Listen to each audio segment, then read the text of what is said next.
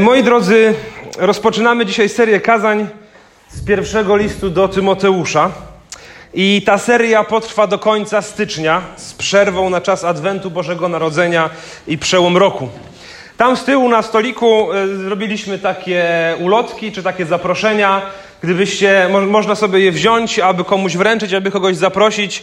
Tu jest informacja o tej serii kazań, o, o tym, co robimy, jakiego dnia będzie jaki fragment omawiany, odnośnik na naszą stron do naszej strony internetowej i Facebooka, więc zachęcam, aby z tego skorzystać, kogoś zaprosić na nabożeństwo, do, do uczestnictwa w nabożeństwach, w kazaniach, więc możemy z tego swobodnie korzystać. E, po różnych rozmowach i modlitwach podjąłem decyzję, abyśmy ten list właśnie omawiali. E, jako pierwszy taki tekst, który wspólnie jako, jako społeczność możemy rozważać. Dlatego, że e, pierwszy list do Tymoteusza po pierwsze mówi o tym, jak powinien funkcjonować Kościół jak wygląda zdrowy Kościół, jak on funkcjonuje, na czym się skupia. E, I jednocześnie jest to też list, który bardzo dużo mówi o takiej osobistej pobożności. Wzywa do tego, aby, aby skupić się na Bogu, aby kochać ten Kościół, aby mądrze postępować e, w swojej codzienności jako chrześcijanin. Więc pomyślałem, że jest to bardzo dobry list właśnie do tego, abyśmy go rozważali. I przerobimy cały werset po wersecie, będziemy ten list przerabiać. Jako kaznodzieja, jako pastor, jako ten, który staje za kazalnicą, jestem przekonany o prawdziwości słów Boga zapisanych w księdze Izajasza 55 rozdziale, wersetach 10 do 11. Gdzie Pan Bóg powiedział tak: Gdyż jak deszcz i śnieg spadają z nieba i już tam nie wracają, ale nawadniają ziemię, czynią ją urodzajną i kwitnącą, dają siewcy ziarno, a jedzącemu chleb, tak jest z moim słowem, które wychodzi z moich ust. Nie wraca do mnie próżno, ale wykonuje to, czego pragnę i spełnia pomyślnie to, z czym je wysłałem. Pan Bóg powiedział o swoim słowie do Izraela takie rzeczy. Wierzę w to, że Boże Słowo, którym jest pierwszy list do Tymoteusza, będzie właśnie w nas wykonywał taką pracę. Że to nie będą takie kazania, wiecie, rzucone, żebyśmy przez pół godziny się skupili w niedzielny poranek i czegoś inspirującego posłuchali, że to nie będą, nie, to nie będzie rzucane w próżnię, ale wierzę, że to Boże Słowo będzie trafiało na grunt naszych serc i będzie wykonywało tam odpowiednią pracę dla Bożej chwały, dla budowania fundamentu naszego zboru, po to, abyśmy wydali dobry owoc. Jestem co do tego przekonany. Dlatego też E, chcemy wiernie głosić kazania ekspozycyjne, czyli takie, które eksponują Boży tekst. Nie chcemy budować kościoła czy zboru na naszych założeniach i na naszych pomysłach. Chcemy zobaczyć, co Bóg mówi o kościele w swoim słowie. Chcemy, aby to wybrzmiało tutaj za tego pulpitu czy kazalnicy, którą zamówiliśmy ostatnio przez internet, może ona będzie trochę lepiej wyglądała. Chcemy, aby to wybrzmiało i aby to padło na, na, na grunt naszych serc i właśnie wydało owoc, abyśmy mogli tutaj faktycznie zbudować zdrowy kościół. Więc zachęcam Was, drodzy, do tego, abyście w ciągu tego tygodnia przeczytali pierwszy list do Tymoteusza kilka razy. To 15 minut trwa przeczytanie tego, tego, tego listu. On jest naprawdę niedługi. Sześć e, krótkich rozdziałów. Pierwszy list do Tymoteusza, abyśmy go w całości przeczytali w tym tygodniu nawet kilka razy. A ja dzisiaj chciałbym rozpocząć e, właśnie mm, tą serię kazań z pierwszych dwóch wersetów, ze wstępu. Ale zanim do tego przejdziemy, jeszcze chciałbym zrobić krótki wstęp do tego, do tego listu. Dla mnie osobiście jest on wyjątkowy z dwóch powodów. Po pierwsze, Dlatego, że gdy zostałem ordynowany na pastora pięć lat temu, to pierwszym listem, który otworzyłem jako świeżo upieczony pastor, był właśnie ten list i spędziłem w nim kilka miesięcy, czytając go i pieczołowicie analizując, aby odnieść go do swojego życia, aby przyjąć jego pouczenie. I on miał bardzo duży wpływ, ma bardzo duży wpływ na, na moje życie.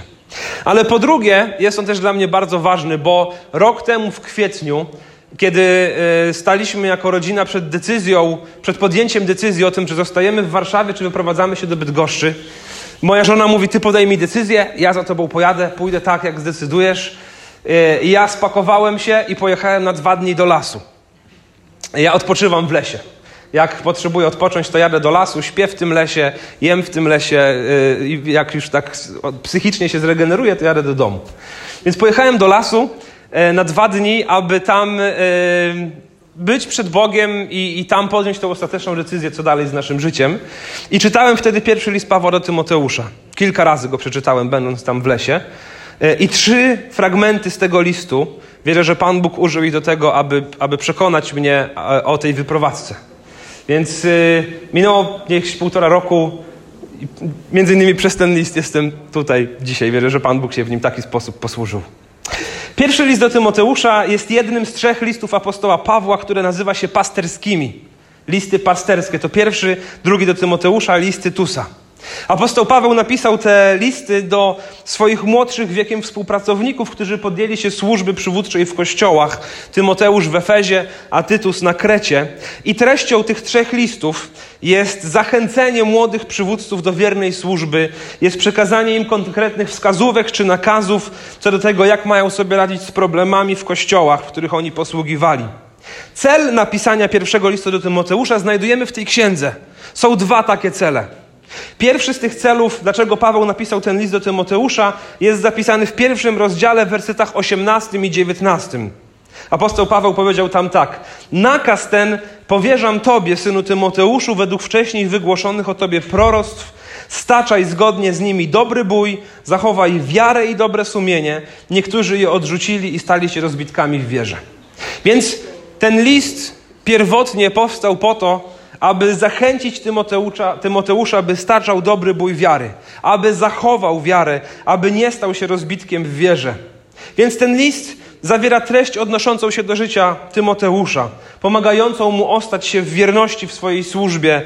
Yy, I wierzę, że tę treść właśnie będziemy mogli odnosić do naszego życia. Bo pastorzy, czy starsi, czy przywódcy zborowi nie są żadnymi nadchrześcijanami, którzy potrzebują jakichś innych rzeczy niż, e, niż ci, którzy tej służby nie pełnią. Są tak samo ludźmi, tak samo potrzebujemy napomnienia i zachęcenia. I Paweł poucza Tymoteusza w tym liście, yy, mówiąc o tym, by yy, napominał błądzących, ale też nie był zbyt surowy dla niektórych. Mówi, by nie był stronniczy, aby troszczył się o domowników wiary, aby nie ufał przesadnie pieniądzom, aby unikał pospolitej i pustej mowy, aby miał nastawienie sługi, aby zabiegał o to, by jego postępy w wierze były widoczne dla innych, by postępował w miłości, w wierze czystości. My wszyscy potrzebujemy tych napomnień. Nie tylko Tymoteusz, nie tylko młody pastor, wszyscy potrzebujemy tych napomnień, więc ten list jest również do nas. Jednym z celów było właśnie napomnienie i zachęcenie do Tymoteusza. Drugi z celów spisania tego listu jest w rozdziale trzecim, wersety 14 i 15. Te rzeczy przekazuję Ci w nadziei, że wkrótce do Ciebie przyjdę. Gdybym jednak opóźniał przybycie, to masz wiedzieć, jak trzeba sobie radzić w domu Bożym, który jest kościołem żywego Boga, filarem i podwaliną prawdy. Więc drugim z celów wpisania tego listu jest to, że Paweł chciał odwiedzić Tymoteusza, ale miał świadomość, że być może się spóźni, nie będzie na czas, więc przekazuje mu w liście, jak postępować w domu Bożym, który jest kościołem żywego Boga, filarem i podwaliną prawdy. W ten piękny sposób jest opisany Kościół w Efezie. Kościół w Efezie, który miał poważne problemy, czego będziemy się dowiadywać studiując ten list. A jednak w swoich problemach jest nazwany domem Bożym, kościołem żywego Boga, filarem i podwaliną prawdy. Więc drodzy, zobaczcie, w jaką odpowiedzialność wchodzimy, stając się kościołem. Jako dom Boży mamy być domem Bożym, miejscem, w którym mieszka Bóg i mamy być miejscem, które jest filarem i podwaliną prawdy. Jeśli nie będzie w nas prawdy Bożej, a Pan Bóg przez swojego ducha nie będzie zamieszkiwał w nas, to nie będziemy Jego kościołem. Będziemy po prostu religijną grupką spotykającą się w niedzielny poranek. Ale jeśli będziemy wierni Bogu, jeśli nasze serca będą przemienione przez Jezusa, jeśli Pan Bóg będzie mieszkał pośród nas, to jesteśmy wezwani do wielkiej odpowiedzialności, aby być tutaj w Bydgoszczy filarem i podwaliną prawdy w świecie, który nie chce znać prawdy. W świecie, który mówi, każdy ma swoją prawdę, wszystko jest relatywne. Paweł mówi, Kościół Boga żywego. Nie taki ma być. Ma być filarem i podwaliną prawdy, domem Bożym. Więc drodzy, przeczytajmy pierwsze dwa wersety tego listu, które nas wprowadzą do, do treści całości. Na tych dwóch wersetach się dzisiaj skupimy. Paweł, apostoł Chrystusa Jezusa z rozkazu Boga, naszego Zbawcy i Chrystusa Jezusa, naszej nadziei. Do Tymoteusza, prawowitego Syna w wierze. Niech łaska, miłosierdzie i pokój, których źródłem jest Bóg Ojciec oraz nasz Pan Chrystus Jezus, będą Twoim udziałem. Myślę, że często, kiedy czytamy Biblię w naszych domach, e, bardzo łatwo przeskakujemy nad tymi pierwszymi wersetami. Tak traktujemy jako, jako jakiś tam wstęp pozdrowienia i zazwyczaj od trzeciego wersetu zakładamy, że jest Boże Słowo. Ale ono jest też tych pierwszych dwóch wersetach. I chciałbym, abyśmy dzisiaj właśnie tych najbliższych jeszcze kilkanaście, może dwadzieścia minut spędzili na, tych, na studiowaniu tych dwóch wersetów. Rzeczywiście wstęp do tego listu jest takim typowym rozpoczęciem starożytnych listów. Dzisiaj, jak się listę do kogoś pisze, to byłoby może drogi Tymoteuszu, pozdrowienia z Macedonii, coś tam, coś tam, coś tam i na końcu pozdrawiam Paweł. W starożytności te listy pisano trochę inaczej. Zaczynało się właśnie od wskazania adresata, nadawcy, e, pozdrowienia i dopiero potem była treść tego listu. Więc układ jest typowy dla starożytnych listów, ale treść jest bardzo nietypowa dla starożytnych listów. Treść tych pozdrowień i sposób przedstawienia się zarówno nadawcy, jak i adresata jest naprawdę niezwykłe. Po pierwsze, czego dowiadujemy się z tego wstępu? Dowiadujemy się, że nadawcą tego listu, tym ludzkim nadawcą tego listu jest apostoł Paweł. Paweł, grecki Paulus, słowo Paulus oznaczało mały, e, więc być może było związane z tym, że Paweł, kiedy się urodził, e, był bardzo właśnie małym dzieckiem, odwrotnym niż nasz brat Paweł, który tutaj siedzi po mojej lewej stronie. E, że, pa, że Paweł był bardzo małym dzieckiem, być może schorowanym dzieckiem, był, był, był takiej słabej postawy, stąd nadano mu imię Paulus. Mały. Paweł jednak, jak wiecie pewnie doskonale, w swojej dorosłości był prześladowcą Kościoła. Rozwijał się od, od, od młodego wieku w, w, bardzo dobrej szkole religijnej, ale doprowadziło go do tego, że był prześladowcą Kościoła, był gorliwym wyznawcą faryzeizmu, bardzo rygorystycznego religijnego ugrupowania żydowskiego. Taka była jego młodość. Ale Pan Bóg miał wobec Pawła inne plany. I kiedy Paweł jechał do Damaszku, aby kontynuować prześladowanie chrześcijan, Jezus Chrystus w tej drodze go zatrzymał. I apostoł Paweł, kiedy opowiadał swoje świadectwo przed królem Agrypą, powiedział, że wydarzyła się rzecz następująca. To cytat z dziejów 26. Jezus powiedział do niego: Podnieś się, stań na nogach. Ukazałem ci się po to, aby wybrać cię na sługę i świadka, nie tylko tego, w czym mnie już zobaczyłeś, ale i tego, w czym ci, ci się jeszcze objawię. Ochronię cię przed tym ludem i przed poganami, bo do nich cię posyłam. Chce im otworzyć oczy, odwrócić od ciemności do światła i od władzy szatana do Boga, aby dostąpili przebaczenia grzechów oraz otrzymali dział wśród uświęconych dzięki wierze we mnie. To było wezwanie Jezusa dla apostoła Pawła. Apostoł Paweł nie był człowiekiem, który szukał Boga. Nie był człowiekiem, który chciał dowiedzieć się czegoś więcej o Jezusie, aby go poznać. Apostoł Paweł nie miał dobrej woli ku temu, aby, aby poznać Chrystusa. Wręcz przeciwnie, nienawidził go. Nienawidził ludzi, którzy za nim szli. I kiedy jechał wyciągać ich z ich domów i wtrącić ich do więzień, objawił mu się Chrystus. I mówi: Mam wobec ciebie inne plany, apostole. Mam wobec ciebie inne plany, Pawle.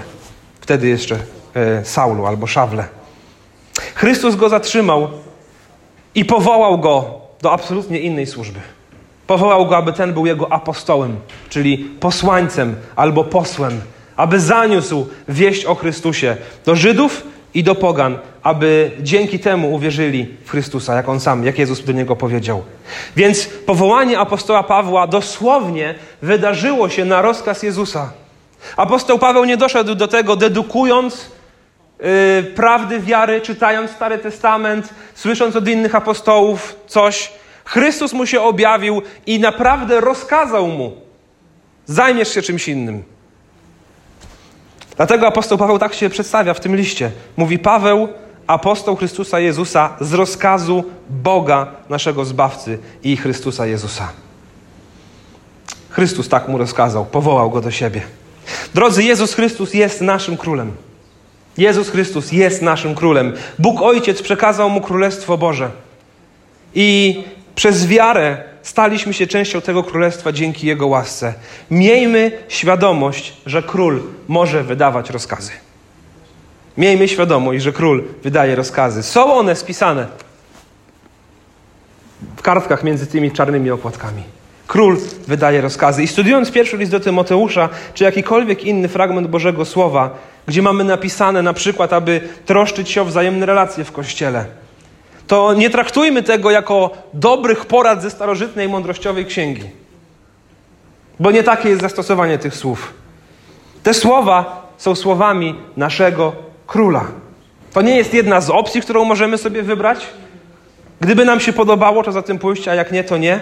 To jest Jego rozkaz, to jest Jego słowo, które nie ma pozostać puste, jak czytaliśmy z księgi Izajasza, ale ma spadać na grunt naszych serc i wydać dobry owoc. Gdy czytamy o porzuceniu grzechu, gdy czytamy o nawróceniu, gdy czytamy o porzuceniu starego życia, o chrzcie, o byciu częścią Kościoła, o trosce o uświęcenie, to to nie są dobre porady. To są rozkazy naszego króla. Czy jesteśmy gotowi być jemu posłuszni? Ale jednocześnie, drodzy, jak dobrze jest wiedzieć, że nasz król mówi również do swoich uczniów: Nie nazywam was już swoimi sługami, ale nazywam was swoimi przyjaciółmi. Mamy króla, który swoich uczniów nazywa swoimi przyjaciółmi, który bierze na siebie ich upadki i grzechy, bierze na siebie nasze spracowanie i obciążenie. I rozkazów tego króla, kiedy poznajemy jego cudowną naturę, nie wypełnia się ze strachem. Nie wypełnia się dlatego, że się do czegoś zobowiązałem, ale wynika, wypełnia się je z poczuciem radości i godności wynikającej z doświadczenia Jego wspaniałej miłości i łaski jaką nam okazał, kiedy umarł za nasze grzechy na krzyżu. I umarł za nas po to, abyśmy stali się obywatelami tego królestwa. Apostoł Paweł był apostołem z rozkazu Boga naszego Zbawcy e, i Chrystusa Jezusa. Patrzmy podobnie na nasze powołanie do chrześcijaństwa. Z rozkazu Boga. Pan Bóg nas znalazł gdzieś tam, zatrzymał. Ta historia może była inna niż apostoła Pawła, ale to dzięki Jego łasce Jego rozkazowi, Jego miłości. Cieszmy się i służmy naszemu królowi. Więc to apostoł Paweł, nadawca tego listu. Adresatem tego listu, jak czytamy na początku wiersza drugiego, jest Tymoteusz, prawowity syn w wierze. Historia Tymoteusza jest zgoła inna niż historia apostoła Pawła. Jak dowiadujemy się z drugiego listu, y, mama i babcia Tymoteusza były osobami wierzącymi. Z pochodzenia Żydówkami, później chrześcijankami. Natomiast dzieje apostolskie mówią o tym, że ojciec Tymoteusza był Grekiem. Prawdopodobnie był poganinem, nigdy się nie nawrócił i prawdopodobnie zmarł, gdy Tymoteusz był dzieckiem. Mówię prawdopodobnie, bo Słowo Boże tego nie mówi wprost. Dedukujemy to z, z różnych gdzieś myśli, z, różnych, z różnego przesłania. Um, apostoł Paweł, Tymoteusz prawdopodobnie urodził się około 30 roku naszej ery. I apostoł Paweł spotkał go, jak mówią dzieje apostolskie, w czasie swojej pierwszej podróży misyjnej w mieście Listra. Tymoteusz mógł mieć wtedy około 17-18 lat. I prawdopodobnie przez służbę apostoła Pawła nawrócił się. Dlatego też Paweł nazywa go swoim prawowitym synem w wierze, albo mówi, że zrodził go w wierze. Więc Paweł stał się dla Tymoteusza duchowym ojcem, ale, ale przez to, że prawdopodobnie Tymoteusz stracił swojego fizycznego ojca, Paweł był też dla niego takim po prostu ojcem, mentorem, który go wychowywał, pomagał mu wchodzić w dorosłość. W czasie drugiej podróży misyjnej Paweł zabrał ze sobą Tymoteusza i ten stał się jego najwierniejszym współpracownikiem. Służył z Pawłem w Berei, służył z Pawłem w Atenach, w Koryncie, towarzyszył mu w drodze do Jerozolimy, był przy Pawle w czasie jego uwięzienia w Rzymie. Paweł wspomina go z imienia w siedmiu swoich listach. Więc siedem listów jest, w siedmiu listach wspomniany jest Tymoteusz jako współpracownik apostoła Pawła. I jest on w liście do Filipian w drugim rozdziale apostoł Paweł niesamowitymi słowami określił Tymoteusza. Przepięknymi. Posłuchajcie, Filipian 2, 19, 22. A mam nadzieję w Panu Jezusie, że wkrótce poślę do Was Tymoteusza. Chciałbym, by mi przyniósł od Was jakieś pocieszające wieści. I posłuchajcie teraz. Nie mam nikogo, kto by myślał podobnie jak on kto by tak rzetelnie mógł się wami zająć? Wszyscy inni krzątają się wokół spraw, własnych spraw, a nie spraw Chrystusa Jezusa. Znacie jego historię, że niczym dziecko ojcu służył on razem ze mną przy głoszeniu dobrej nowiny. Przepiękne słowa o Tymoteuszu. Wszyscy inni szukają swego, ale Tymoteusz szuka tego, co jest Chrystusa Jezusa. Po uwolnieniu Pawła z pierwszego więzienia w Rzymie, Paweł odwiedzał miasta, w których służył wcześniej i prawdopodobnie wtedy zostawił Tymoteusza w Efezie. i pojechał na północ do Macedonii z Macedonii przysłał list do Tymoteusza. Sam Tymoteusz mógł mieć wtedy około 30 lat, kiedy został pastorem czy przywódcą zboru w Efezie. Więc zobaczcie, mamy dwóch bardzo różnych od siebie ludzi. Mamy Pawła, którego można by nazwać religijnym bandytą, nawróconego w radykalny sposób w jednej chwili, i mamy Tymoteusza, wychowującego się w bogobojnej chrześcijańskiej rodzinie, bez ojca, wychowywany przez babcię i mamę. W końcu nawraca się przez służbę apostoła Pawła i Pan Bóg również zmienił jego serce. Bóg ma różne sposoby docierania do ludzi. Dociera do nich w różnym wieku. Do jednych później, do innych wcześniej.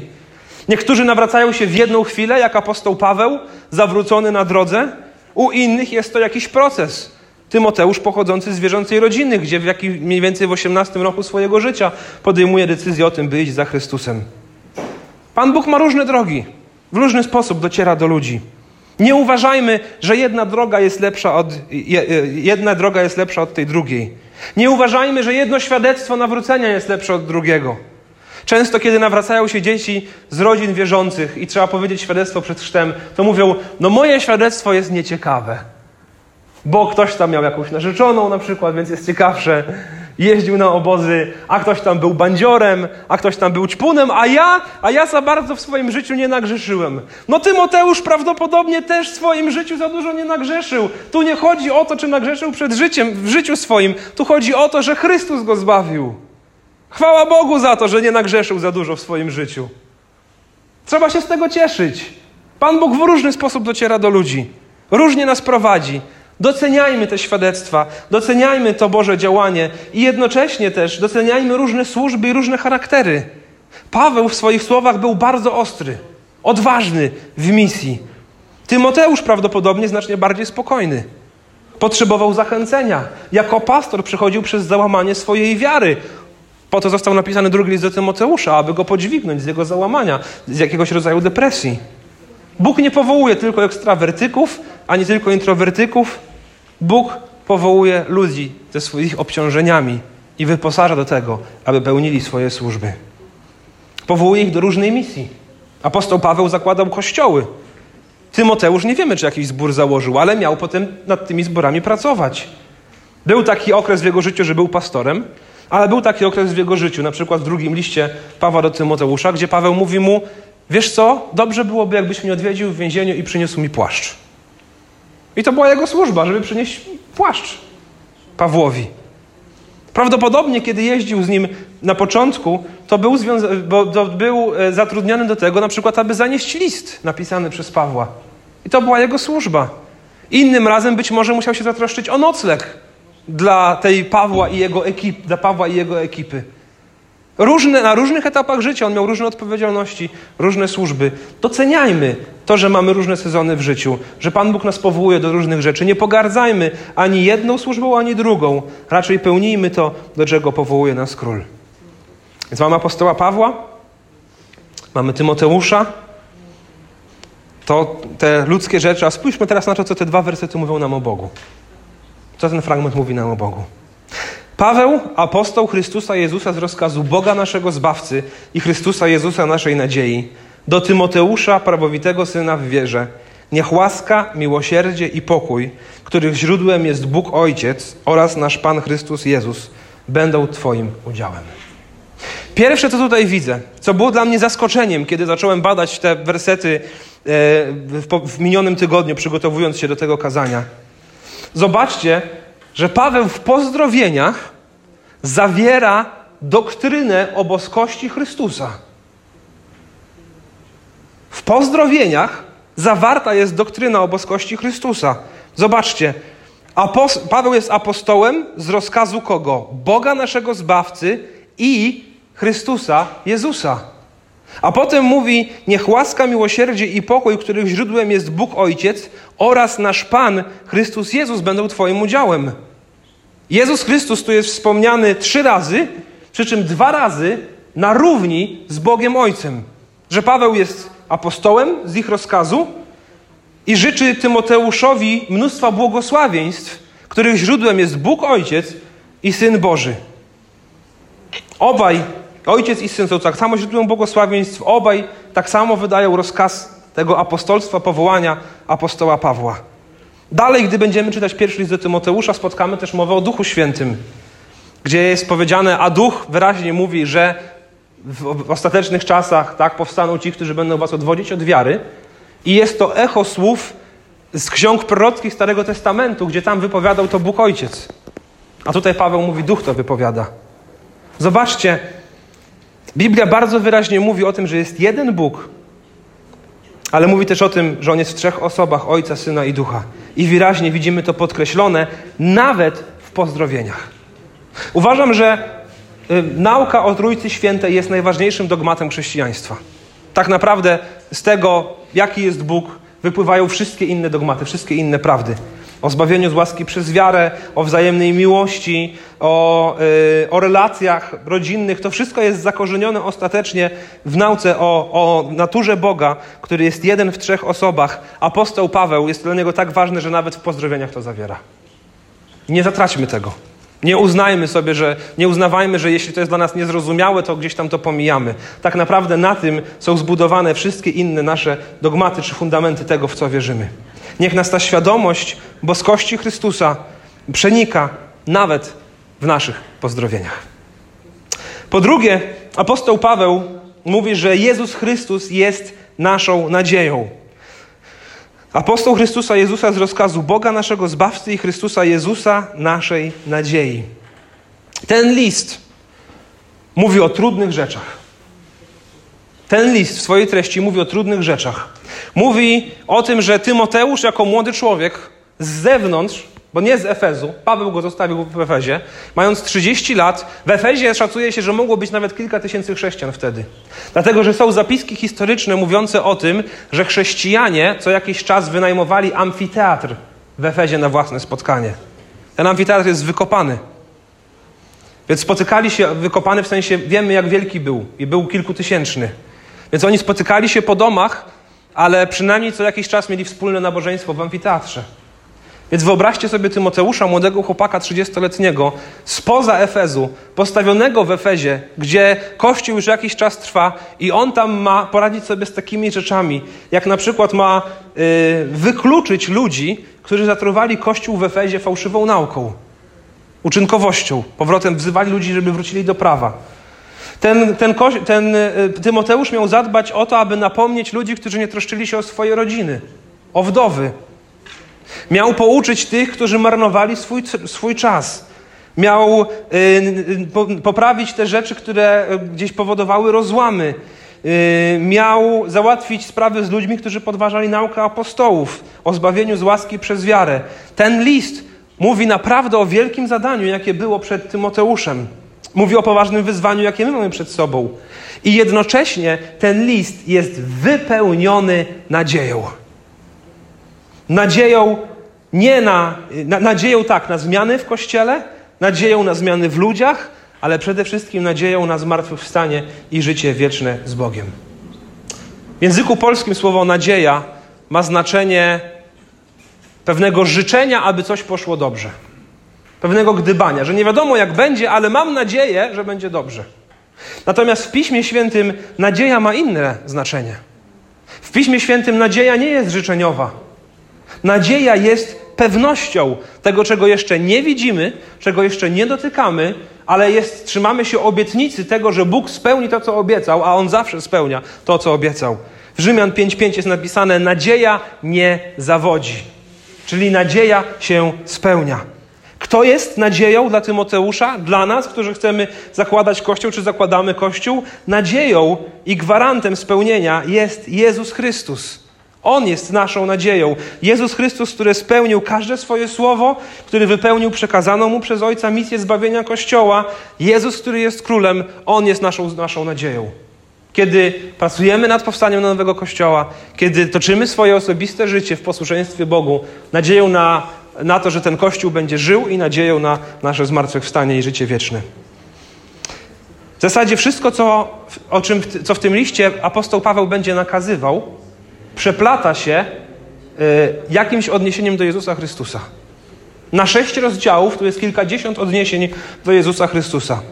W tym liście są fragmenty hymnów, modlitw, a nawet elementy wyznania wiary starożytnego kościoła, które odnoszą się do Jezusa. Wszystko tutaj przeplatane jest Jezusem Chrystusem. Drodzy, prawdziwy, zdrowy Kościół we wszystkim, co robi, odnosi się do Jezusa. To On jest założycielem i Panem Kościoła, to On ten Kościół buduje i to On jest nadzieją Kościoła. Nadzieją na teraźniejsze działanie, nadzieją na przyszłe zmartwychwstanie i życie wieczne. I ostatnia myśl. Życzenia, jakie apostoł Paweł składa. Mówi tak: Niech łaska, miłosierdzie i pokój, których źródłem jest Bóg Ojciec oraz nasz Pan Chrystus Jezus, będą Twoim udziałem. Niech łaska, miłosierdzie i pokój będą Twoim udziałem. Zastanówmy się przez chwilę, co w tych słowach jest zawarte. Apostoł Paweł mówi, niech że postępowanie Boga w stosunku do Jego ludu, do Tymoteusza, do nas, którzy jesteśmy Jego dziećmi, jest pełne łaski, miłosierdzia i pokoju. To jest niesamowita wiadomość dla nas, którzy jesteśmy zbawieni, ale jednak wciąż walczymy z grzechem.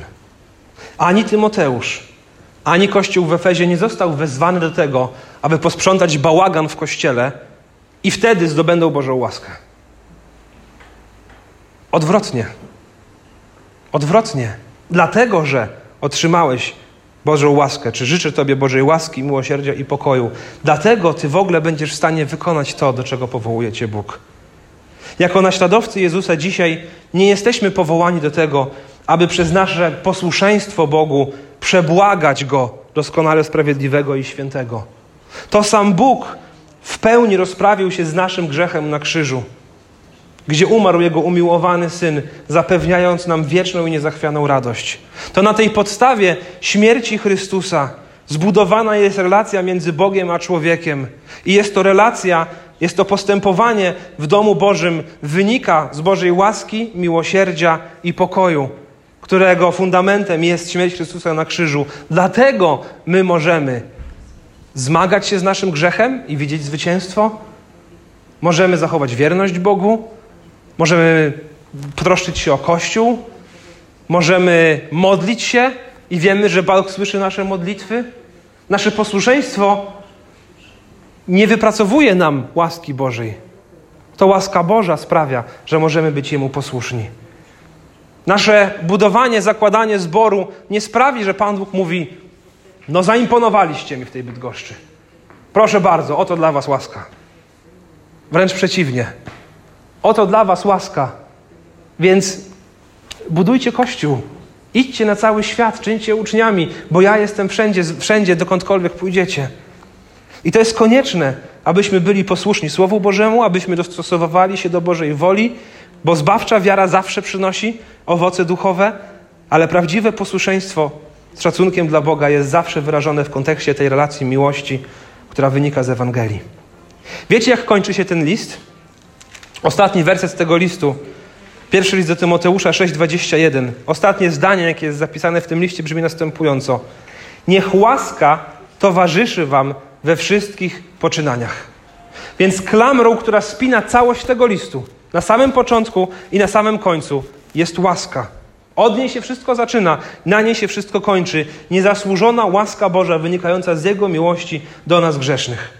Więc drodzy, niech wszystko to, co dzieje się w naszej społeczności, zaczyna się i kończy na świadomości łaski Bożej.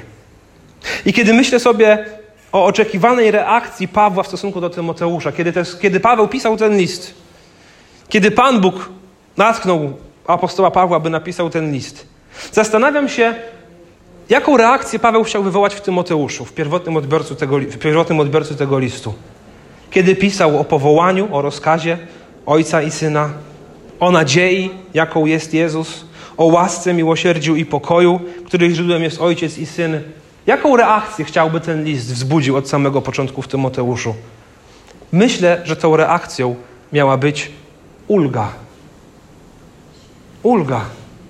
Tymoteusz wiedział, z czym się mierzy w Efezie. Wiedział, pewnie spodziewał się tego, co apostoł Paweł może mu napisać. I myślę, że kiedy przeczytał pierwsze dwa wersety, mógł odczuć ulgę. Panie Boże, to jest możliwe, abym ja wykonał tę misję, którą Ty mi powierzyłeś. Panie Boże, to jest możliwe, abym ja służył Tobie tutaj, w młodym wieku. Panie Boże, to jest możliwe. Chociaż wydaje się to ponad moje siły, Jest to dla mnie niezrozumiałe. To jest to możliwe. Myślę, że taka miała być reakcja, reakcja Tymoteusza, kiedy czytał o łasce, miłosierdziu i pokoju, kiedy czytał o, o rozkazie króla i jednocześnie miał świadomość Ewangelii króla, który jest też przyjacielem. Więc drodzy, niech ta sama ulga towarzyszy i nam. Niech ta sama ulga towarzyszy i nam. Podsumowując to wszystko, o czym mówiliśmy.